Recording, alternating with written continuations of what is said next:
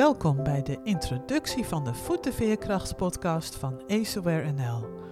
Aceware NL is het Nederlandse platform dat aansluit bij een internationale beweging voor meer bewustzijn rondom ACEs, ongunstige ervaringen in de kindertijd. In deze podcast gaan we samen met jou ontdekken wat ons als mens gezond, gelukkig en energiek houdt. Iedereen heeft een levensverhaal. Een geschiedenis waardoor je je hebt ontwikkeld tot wie je nu bent, met je mooie eigenschappen die je graag aan de wereld laat zien en met de lastige dingen die je misschien liever verstopt. Wat je toont en wat verborgen blijft, ook dat heeft een verhaal. Een verhaal met persoonlijke kanten, familietrekjes en culturele overtuigingen. Sommige aspecten voeden je veerkracht, terwijl andere die juist ondermijnen. Wanneer we als samenleving gezond willen blijven met elkaar, is het belangrijk dat er veilige ruimte en oprechte aandacht is voor die verhalen. Dat is het doel van de Voet de Veerkracht podcast. Openhartig luisteren naar pure, rauwe, echte en eerlijke verhalen. Over vroeger en nu, over kennis en vaardigheden, over inzichten en wijsheid die de veerkracht voeden. Ook ik heb een verhaal. En om een context te creëren wil ik je graag vertellen wat er aan deze podcast vooraf ging. Ga je mee?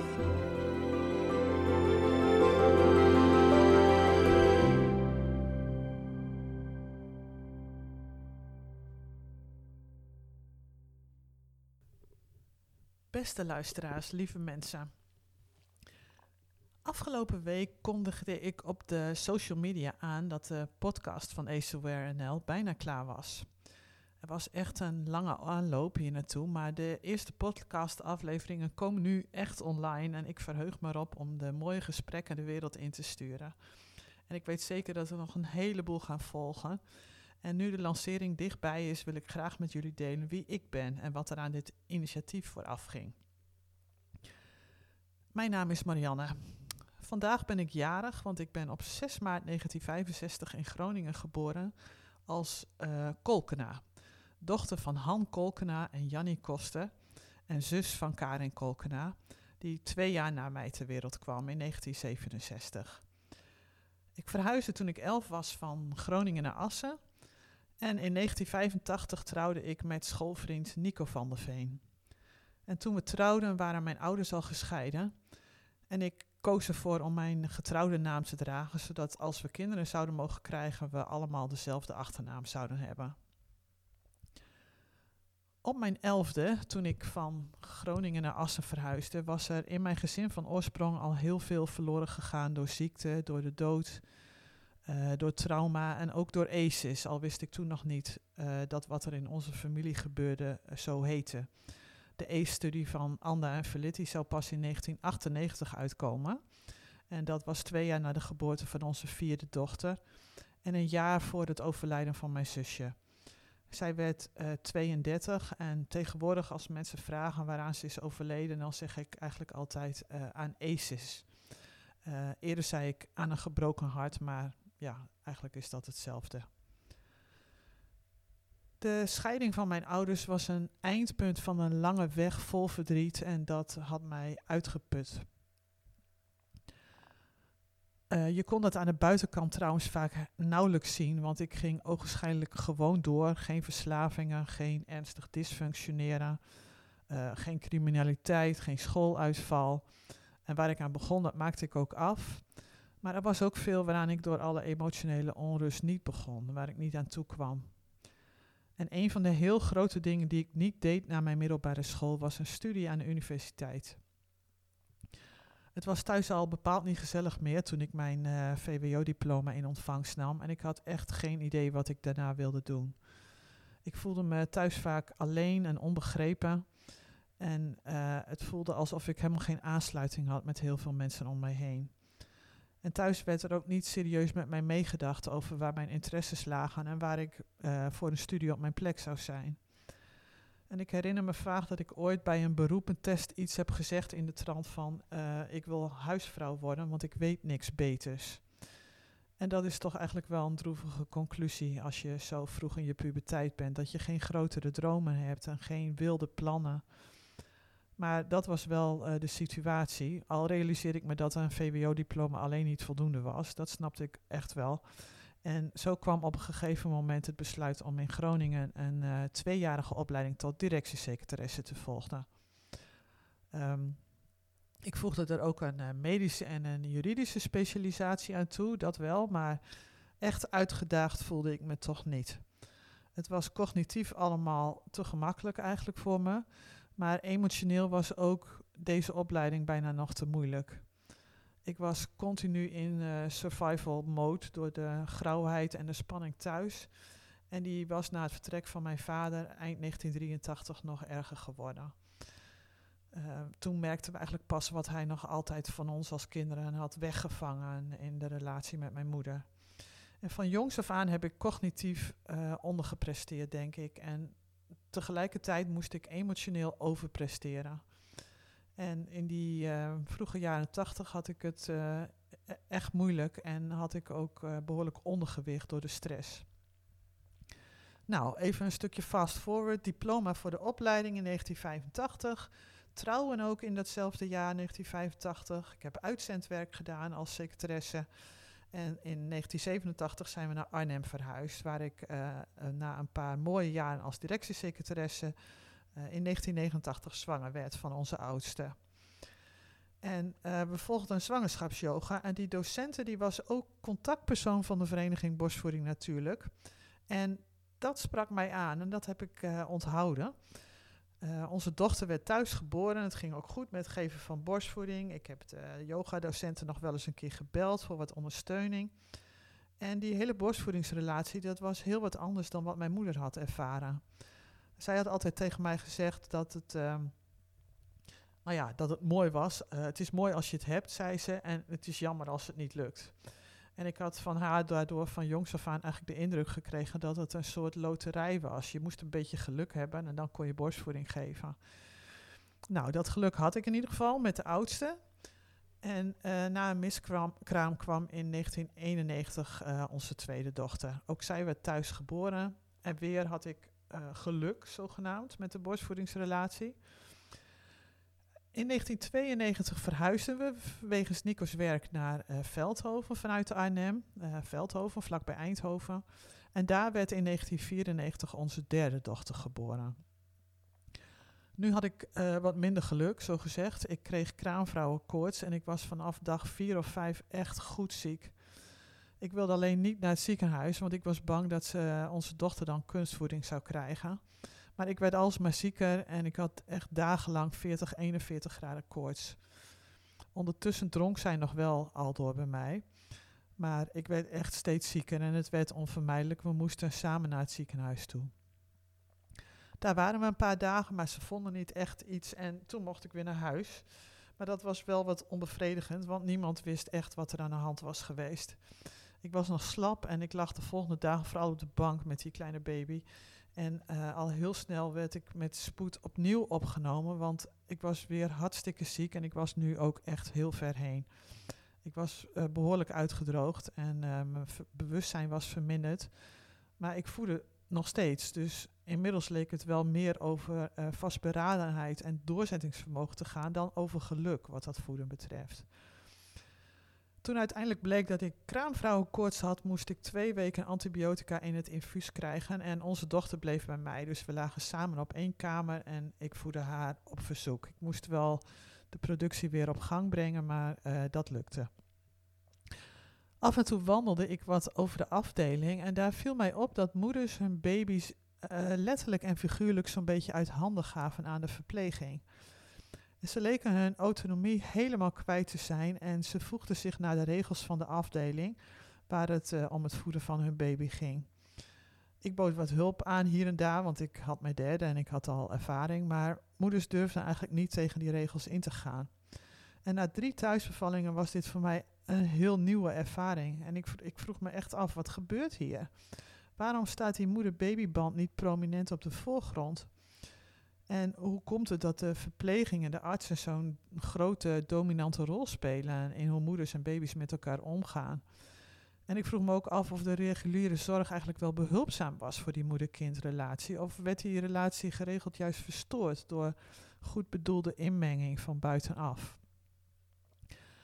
Toen ik weer naar huis mocht na twee weken, had ik besloten dat ik net als de yogadocent in Arnhem uh, contactpersoon wilde worden van de vereniging Borstvoeding Natuurlijk, zodat ik andere moeders ook zou kunnen ondersteunen. De vereniging bestaat nu helaas niet meer. Die is eind 2018 opgeheven, maar vanaf 1994 was ik er uiteindelijk bijna 25 jaar actief. Eerst uh, een korte tijd in Veldhoven en later in Assen, waar we in 1996 naar terug verhuisden. En dat was kort voor de geboorte van onze vierde. Ik uh, ronde de interne opleiding af en ik begeleide groepen voor zwangeren. Ik gaf uh, voorlichting aan voedende moeders, workshops voor de interne opleiding. Ik deed redactie en beleidswerk voor de organisatie. En af en toe um, was die kleine baby van ons ook bij de moedergroepen aanwezig als ze wakker werd en wilde drinken. En dan was iedereen altijd helemaal vertederd door haar donkerbruine ogen en haar heldere blik. En zien voeden, date voeden voor de moeders, dat was echt heel mooi om te zien. En peer support, dus uh, ervaringsdeskundigen die met elkaar overleggen, dat bleek heel stimulerend te zijn. En moeders voelden zich heel verbonden met elkaar. Ze bleven vaak heel lang hangen, klesten eindeloos door. En ze inspireerden elkaar en ze hielpen elkaar ook om thuis te raken in hun nieuwe rol van het moederschap. En ik vond het echt prachtig om te zien. Met ons uh, jongste meisje ronde ik mijn tijd als voedende moeder af, maar het borstvoedingswerk ging wel gewoon door. Ik vond het prachtig en ik zag ook geen reden om ermee te stoppen. Maar op een gegeven moment liep ik wel tegen de grenzen aan van wat ik als vrijwilliger mocht doen voor moeders. Uh, daar was een gedragscode en die, uh, ja, die liet bepaalde dingen niet toe. En ik wilde meer voor die moeders doen dan ik mocht doen als vrijwilliger. En dat was de reden voor mij om aan de Hogeschool van Utrecht de opleiding tot lactatiekundige te doen. Die ronde ik in uh, eh, 2008 af met het internationale examen cum laude, tot mijn verrassing en blijdschap. En in januari 2019 start ik in Assen mijn lactatiekundige praktijk, borstvoedingscentrum Panterij.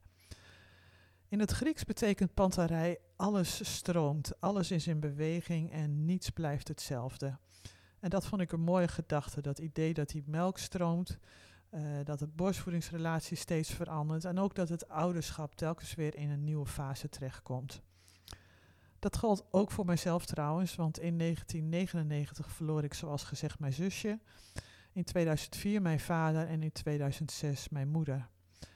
En na het overlijden van mijn moeder was ik geen kind meer. Ik was wees, zo gezegd. En alles waarover ik nog vragen had, kon ik ja, niet meer met ze bespreken. Ook al schoot dat nog heel vaak door mijn hoofd. Ik miste vooral mijn vader heel erg.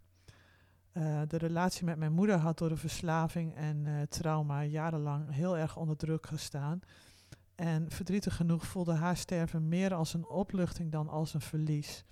Het was alsof er een dikke zware deken werd weggenomen uit het dagelijks leven. Maar uh, dat betekende niet dat alle pijn weg was die ik had opgelopen door de jaren heen. Maar er gebeurden ook heel veel mooie dingen. En niet alleen ons gezin groeide en veranderde. Uh, de kinderen groeiden op en uh, steeds waren er weer nieuwe dingen. En ook mijn blik op borstvoeding veranderde in die jaren. Ik zag dat proces niet meer als een doel, maar als een middel. En doordat ik me steeds verder in alles verdiepte, leerde ik hoe belangrijk die eerste relatie is. Die eerste relatie tussen moeder en kind voor een veilige hechting. En ik leerde ook welke hormonen daar allemaal een rol bij spelen in dat proces tussen moeder en kind. En hoe het brein van de jonge baby gebaat is bij een royale periode aan de borst. Daar wordt namelijk niet alleen maar melk van de moeder naar de baby overgedragen, maar daar gebeurt van alles en nog wat dat de baby op weg helpt in de wereld. En hoe veiliger die eerste relatie voelt voor dat kindje, hoe groter de kans dat uh, de wereld later ook als een veilige plek uh, gaat voelen. En ik vond het dan ook heel moeilijk om te zien in die jaren hoe een belangrijke richtlijn voor de jeugdgezondheidszorg het belang van die emotionele veiligheid niet voorop leek te stellen. Het ging over uh, excessief huilen en het advies was om baby's uh, te laten huilen en dat ze dan wel stil zouden worden en zouden leren wie de baas was. En ik moet zeggen, we zijn inmiddels, uh, nou even rekenen, 15 jaar verder. En nog altijd zijn die adviezen niet volledig verdwenen. En uh, destijds vond ik dat zo erg dat ik begon te schrijven aan feedback op die richtlijn. Samen met een aantal collega's. En ik merkte hoe geweldig ik dat vond eigenlijk. In de literatuur duiken, van alles combineren, verbanden zien. En dan een goed tekst, uh, goede tekst op, tot stand brengen. Um, ja, dat was echt prachtig. Het, ik weet niet of het heel veel geholpen heeft, de feedback op die richtlijn. Maar er gebeuren inmiddels toch echt wel dingen. Ook samen slapen is inmiddels uh, minder een taboe onderwerp dan het uh, 15 jaar geleden was. En met alles wat ik las, werd ik ook steeds gretiger naar nog meer kennis en inzichten. Ik volgde de ene scholing naar de andere en ik was een toegewijde congresganger.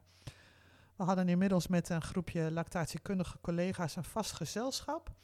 Waar we geregeld mee op pad gingen. De schoolreisjesgroep noemden we die uh, voor de grap. En uh, we gingen echt geregeld op pad. En dan dompelden we ons helemaal onder in alles wat de meest boeiende sprekers te vertellen hadden. En de eerste keer dat ik als lactatiekundige moest uh, recertificeren, vijf jaar na mijn examen, had ik veel meer punten dan nodig was. Drie keer zoveel of zo. Uh, ik had werkelijk als een spons in die vijf jaar tijd een schat aan informatie verzameld. En meer en meer kreeg ik het gevoel dat ik alsnog die academische studie wilde doen, die al zo lang in mijn achterhoofd sluimerde.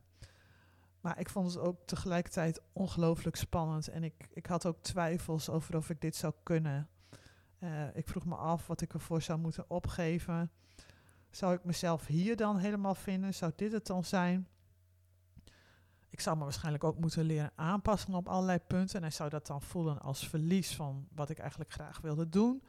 Of was dat juist een belangrijke stap voorwaarts om die ervaring uh, te krijgen?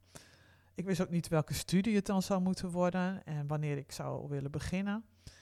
Maar ja, een plan alleen is niet genoeg. Als je wat wilt, dan moet je op een gegeven moment natuurlijk concreet worden. En zo kwam het dat ik begon te zeggen links en rechts dat als ons de jongste de deur uitging om te gaan studeren, dat ik dat dan ook zou doen.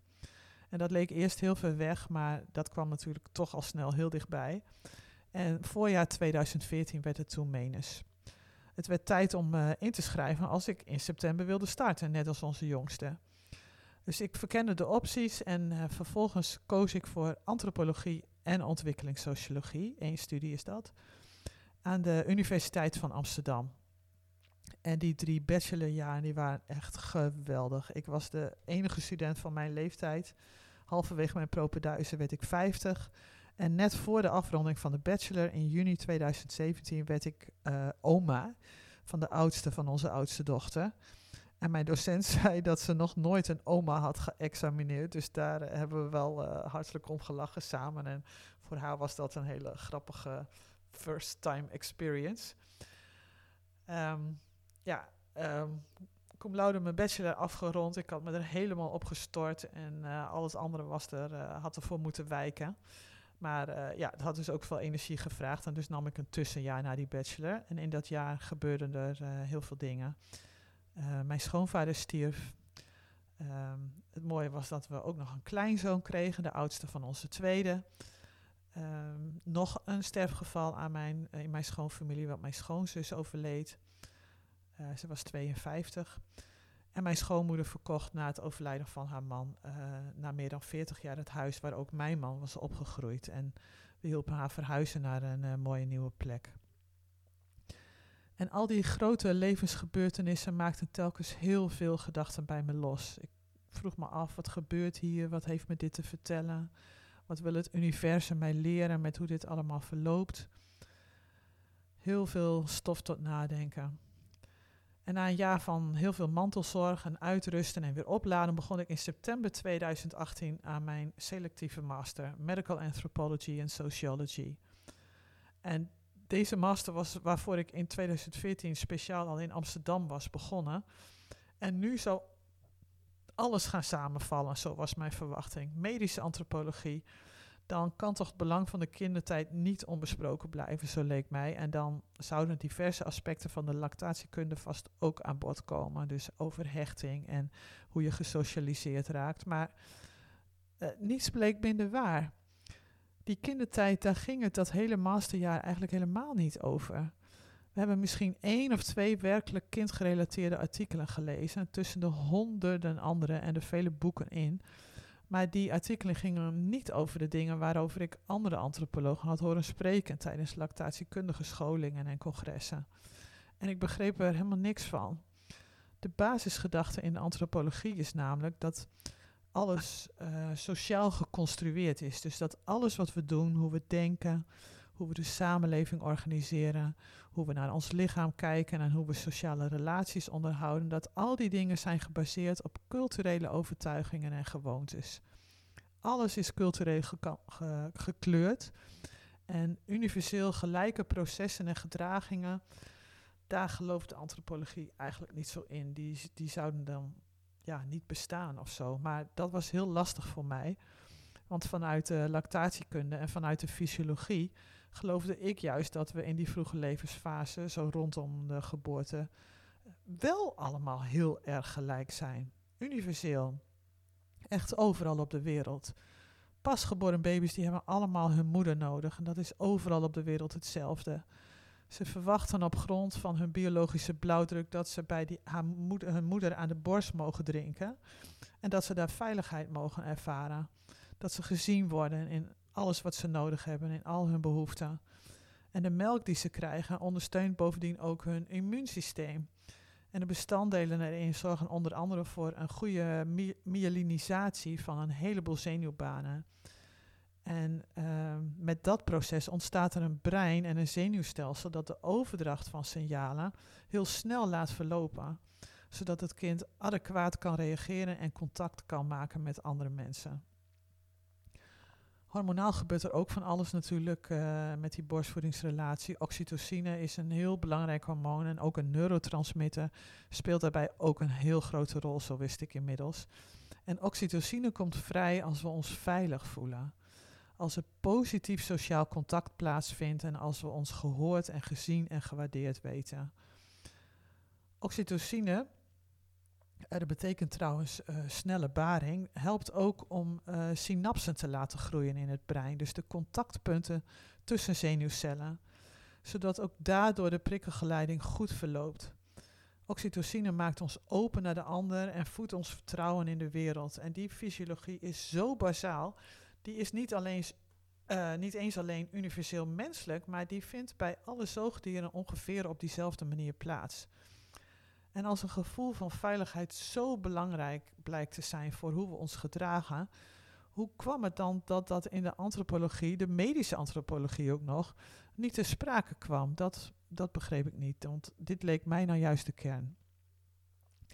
Hier en daar waren er wel aanknopingspunten, maar die zag je eigenlijk alleen als je al die voorkennis al had. En uh, die hadden de meesten niet. Enerzijds omdat al mijn studiegenoten nog zoveel jonger waren. En anderzijds omdat zowel zij als de docenten uh, in de sociale wetenschappen met heel andere thema's bezig zijn. Overigens waren er ook meer dan genoeg thema's en gebieden waarop ik zelf kennis en vaardigheden miste. En het was echt ongelooflijk fantastisch hoe ik me al die vier jaren en zeker ook dat masterjaar uitgedaagd heb gevoeld om allerlei nieuwe dingen te leren. Dit was allemaal zo nieuw voor me. En bij alles waar ik echt met volle teugen van genoot, drong zich uh, toch ook steeds meer uh, verdriet aan mij op. Verdriet over wat ik nu zag dat ik in mijn puberjaren had gemist. En wat ik ook bij onze eigen kinderen zag en had gezien. Een heel vrij leven, op kamers wonen, dronken worden, um, het ene feestje na het andere tientallen of zelfs honderden mensen die op de een of andere manier in de vriendenkring thuis hoorden. Um, het, uh, het uitdijen van allerlei intellectuele en sociale vaardigheden. Breed en goed geïnformeerd kunnen denken. Soepel omgaan met allerlei verschillen en allerlei woonomstandigheden.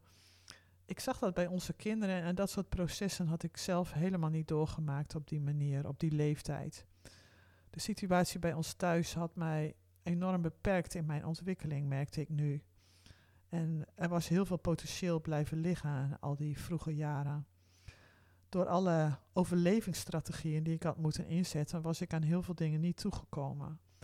En nu was er nog steeds heel veel angst en verdriet en veel alertheid en fragmentatie van mijn focus.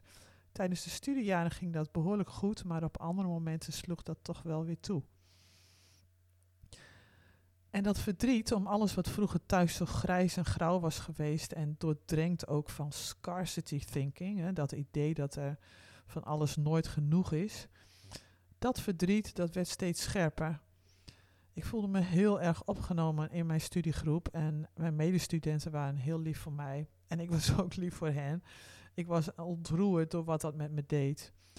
Ik realiseerde me dat uh, het feit dat ik dit zo bijzonder vond, ook iets zei over hoeveel ik had gemist. Dat het zo ongewoon was voor me. En de dankbaarheid om wat ik nu alsnog beleefde, vermengde zich daarom met verdriet om wat ik had gemist. En alles wat er nu was, dat beleefde ik op een leeftijd waarop het heel anders was dan voor mijn studiegenoten natuurlijk. Dat had voor- en nadelen, dat uh, is ook gewoon zo. Maar naast dat het heerlijk was, was het soms ook gewoon heel ingewikkeld. Het bepaalde me heel sterk bij alles wat jonge mensen doorlopen en doorleven en hoe dat uh, hun toekomst beïnvloedt. Ik voelde me tussen mijn uh, medestudenten zo jong en dat was heerlijk, uh, ook daarom rond te lopen op de universiteit. Maar anders dan zij had ik lang niet zoveel jaren en zoveel openliggende routes voor me. Ik had de, de vroege lessen die zij nu leerden niet kunnen integreren in mijn persoonlijkheid. En ik had bepaalde vaardigheden ook niet kunnen meenemen in mijn rugzak. En daar werd ik me heel bewust van, die studiejaren. En doordat alles, en ook omdat ik inmiddels natuurlijk handenvol sociologische concepten had geleerd, kreeg ik steeds meer interesse in alles wat daarover ging. Wat is de invloed van de kindertijd op het volwassen leven en hoe zit het met machtsverhoudingen? Wat zegt de fysiologie over al die dingen en wat heeft de medische antropologie daar dan over te melden? En ik vroeg me ook af, hoe richten we met z'n allen de samenleving in? Hoeveel ruimte is er voor kinderen om werkelijk de zorg te krijgen die ze nodig hebben in dat vroege begin? Het was echt, ja, echt veel, heel veel. En ik was mateloos gefascineerd. En ik kan nog behoorlijk precies aanwijzen waar er iets bijzonders gebeurde. Het was in een van de eerste colleges in de Propenduizen. Vanwege een boek dat we lazen en dat over de oorzaken en de invloed van drugsgebruik ging in een wijk van New York, keken we een film over drugsgebruik. En de film heette The House I Live In. Soms is hij op internet te vinden, maar heel vaak ook weer niet. Ik denk dat hij gecensureerd wordt of zo, ik weet het niet.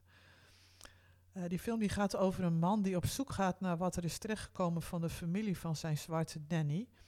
En hij stuit daarbij op verslaving en criminaliteit, maar vooral ook op discriminatie en voortdurende stress als gevolg van uh, institutioneel racisme en achterstelling en onderbetaling en meer van dat soort ellende. Zoals ook slechte huisvesting en bullshit jobs. En hij pluist helemaal uit hoe de Amerikaanse overheid omging met de framing van verslaving en drugs. En ergens in die film deed uh, de mij toen nog onbekende Gabor Maté, gepresenteerd als verslavingsexpert, een uitspraak die mij werkelijk bij de strot greep. Hij zei: Als mensen pijn hebben, willen ze die pijn verzachten. Dus de vraag is niet van waar de verslaving, maar van waar de pijn. Het was maar een heel kort fragment eigenlijk, maar ik was echt perplex. Het voelde alsof ik een soort sleutel had gekregen die alles ontsloot. Dit was volgens mij waar alles om draaide. Zo realiseerde ik me ook toen ik dat fragment zag. Dit verklaarde ook uh, de vele verslavingen in mijn gezin van herkomst. Dit ging over alle pijn, alle ziekte, alle alcoholmisbruik, alle nicotineverslaving, alle depressies, alle zelfverwaarlozing, de negativiteit, alle passieve agressie, um, al het cynisme. Er viel niet één kwartje, maar er vielen werkelijk handenvol kwartjes toen ik daarover na ging denken. En als student heb je natuurlijk toegang tot eindeloos veel literatuur, dus ik ging op zoek. Ik ging op zoek naar wie Gabor Maté was, op zoek naar artikelen over toxische stress, over verslaving en zelfmedicatie, over machtsverhoudingen in de samenleving. En al zoekende stuitte ik ook op de ACE-study, het baanbrekende onderzoek naar adverse childhood experiences, ongunstige ervaringen in de kindertijd. Een collega had gezien dat ze daarmee in Schotland al heel intensief bezig waren en zo kwam ik in contact met Suzanne Ziedijk, een van de twee initiatiefnemers van het uh, ACE-bewustzijn in Schotland. En toen kwam van het een het ander. ik zag de film Resilience over de impact van toxische stress en ACEs op de kindontwikkeling. En ik ontdekte dat je voor die film een uh, licentie kon kopen, zodat je de film in je eigen omgeving zou kunnen laten zien aan mensen. En uh, op basis daarvan een gesprek zou kunnen aangaan over ACEs en andere vormen van trauma. En ook uh, van de maatschappelijke invloeden die daarbij een rol spelen. Dat was wat ze in Schotland hadden gedaan en dat was daar een doorslaand succes geworden. Sorry, even slokje. ik werd steeds enthousiaster en um, ik sprak daarover met mijn studiegenoot Victor Bodiut. Hij had niet alleen in Groningen psychologie gestudeerd, maar in Amsterdam ook cum laude en master brain and cognitive sciences afgerond. En nu was hij een van mijn bijna 30 studiegenoten in mijn eigen master. En hij en ik raakten in gesprek over hersenontwikkeling en vroegkindelijk trauma en al dat soort thema's. En hij zei dat hij met mij wilde optrekken om bijeenkomsten te organiseren met Resilience, met de film. En dat voelde als een geschenk uit de hemel, eerlijk gezegd. Want iemand met verstand van zaken die ook nog passie voelde voor dit onderwerp en met wie ik samen een mooi initiatief zou kunnen opzetten. Wauw, dat was echt geweldig. En ik was na al die jaren ook helemaal klaar eigenlijk met uh, heel veel dingen in mijn eentje doen. Maar lang niet altijd vond ik gelijk gestemden om samen dingen mee op te pakken. En Vic bood zijn ondersteuning aan en ik nam dat aanbod dankbaar in ontvangst. Ik had dus contact met Suzanne Ziedijk in Schotland en Vic en ik skypten met haar en we raakten enorm geïnspireerd door haar enthousiasme. Wat zij had gedaan, daaraan wilden we in Nederland heel graag een vervolg geven. Breed aandacht vragen voor dat onderwerp van vroegkinderlijk trauma. Inmiddels waren we midden in 2019 en we werkten uh, toen naar de afronding van onze master, de hele klas. En ons veldwerk vroeg tijd en uh, we ploeterden op onze thesis allemaal, maar het kwam allemaal goed. Uh, eh, 15 oktober 2019 namen we onze bul in ontvangst met de hele klas. Ik was super trots en de toespraak van mijn docent was echt hilarisch. En in de zaal waren behalve onze kinderen ook onze kleinkinderen aanwezig. Dus ja, dat was wel een heel bijzondere situatie. Afstuderen met je nageslacht in de zaal. Um, de oudste twee waren inmiddels al uh, ja, kleine kleutertjes, of in ieder geval grote peuters. En uh, Vic en ik stonden met uh, kleutertjes, peutertjes op de arm op het podium toen er een groepsfoto werd gemaakt. Dus zij staan erbij op. Heel grappig. Later dat jaar maakten Vic en ik serieus aanstalten om Aceware NL op te zetten en plannen te maken voor live vertoningen van Resilience. We maakten het logo en de website, we schreven een visie en een missie en de webteksten en Vic zette ook de social media op, Facebook, LinkedIn. Um, en toen werd het maart 2020 en kwam alles zo goed als stil te staan. Veel van onze plannen voelden toen als niet uitvoerbaar, want we wilden die bijeenkomsten live doen. Maar ik begon wel mensen te interviewen en de blogpagina vulde zich met mooie gesprekken met professionals en ervaringsdeskundigen. Fik en ik waren blij met onze extra collega die erbij kwam, Aspa Kandili, die ook een warm had voor het uh, thema van ACES. En een uh, tijd lang heeft ze ook actief meegeschreven aan de blogs. En ze heeft hele mooie visuals gemaakt.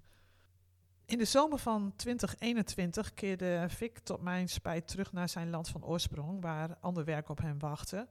Maar ja, desondanks blijft hij de co-founder van Aceware NL. Zonder hem had ik het uh, niet aangedurfd, dat de, kan ik wel echt zo zeggen. En samen hebben we een prachtig fundament gelegd waarop we nu verder bouwen. Omdat veel mensen tegenwoordig liever luisteren dan lezen, leek een podcast een goed idee. En die gaat dus nu van start. En ik heb nog heel wat namen op mijn wensenlijstje. Ik heb enorm veel zin om de komende tijd weer op pad te gaan en mensen te spreken. De basis voor de podcast staat, met uh, dank ook aan Petra Bauma, die sinds een tijd de visuals voor de blogs maakt. En die ook het artwork voor de podcast in elkaar heeft gezet. En ik ben enorm blij met haar bijdrage aan het werk van Aceware NL. Ik hoop dat we nog lange tijd samen hieraan kunnen werken. We zijn al heel lang collega's, want zij is ook uh, lactatiekundige. Dus zij is een van de schoolreisjesmeisjes. En uh, een heel uh, mooi contact hebben we met een heel aantal opgebouwd. En ik heb daar zoveel van geleerd, wat in het werk nu ook enorm van belang is.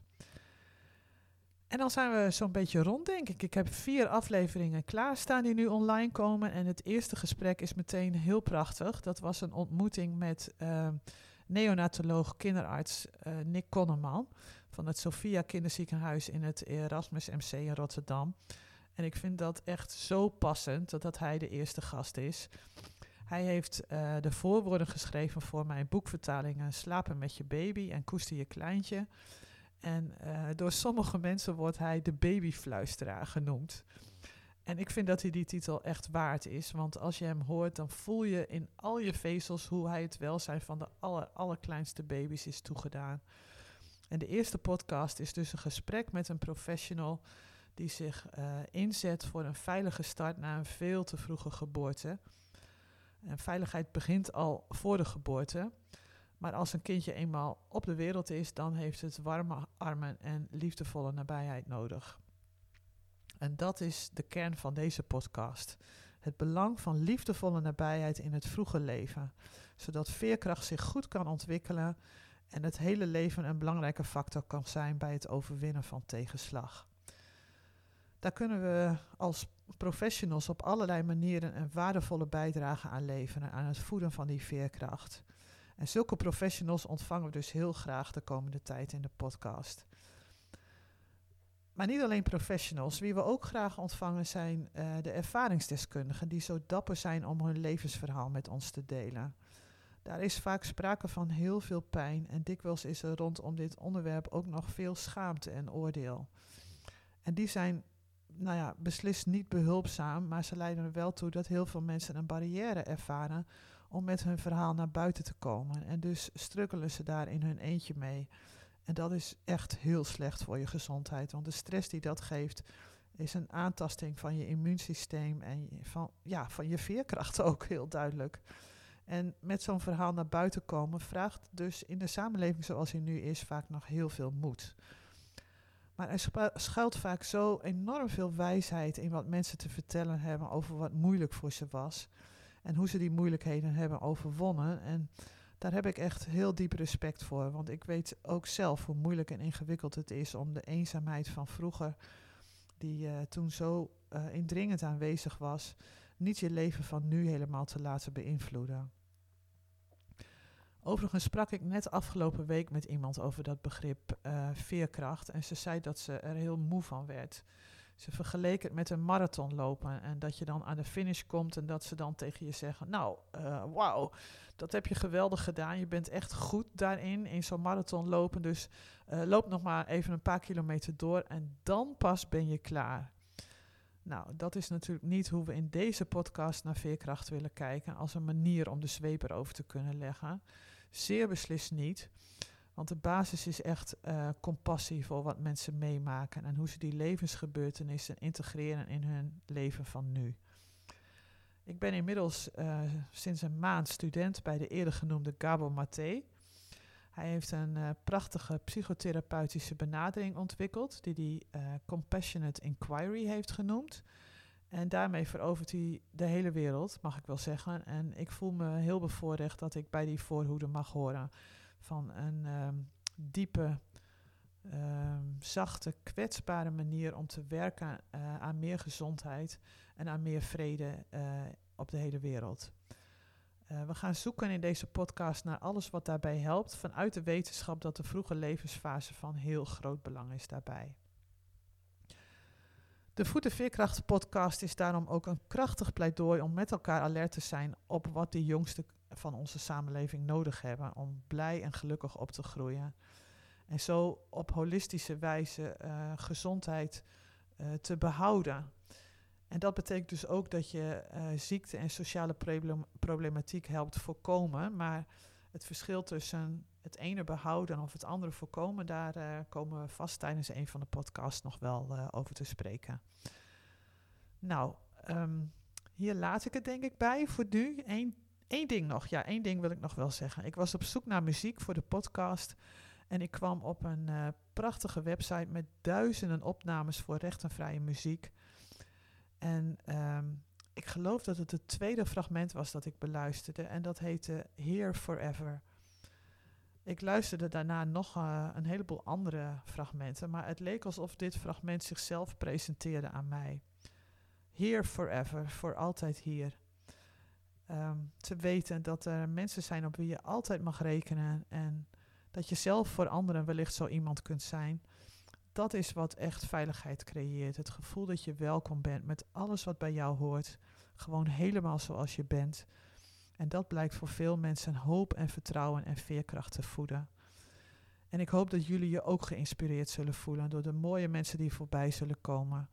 En dat dat ook jullie ondersteunt in het voeden van de veerkracht. Zowel in jezelf als in anderen om je heen. Ik kijk ontzettend uit naar de gesprekken die komen. Dat zullen meestal gesprekken in het Nederlands zijn, maar incidenteel hebben we vast en zeker ook internationale gasten. En dan zullen de podcasts in het Engels verschijnen. Nou, alvast heel veel dank voor jullie steun en ik hoop je te ontmoeten ergens. Misschien als gast in de podcast en anders op een andere manier. Dank je wel.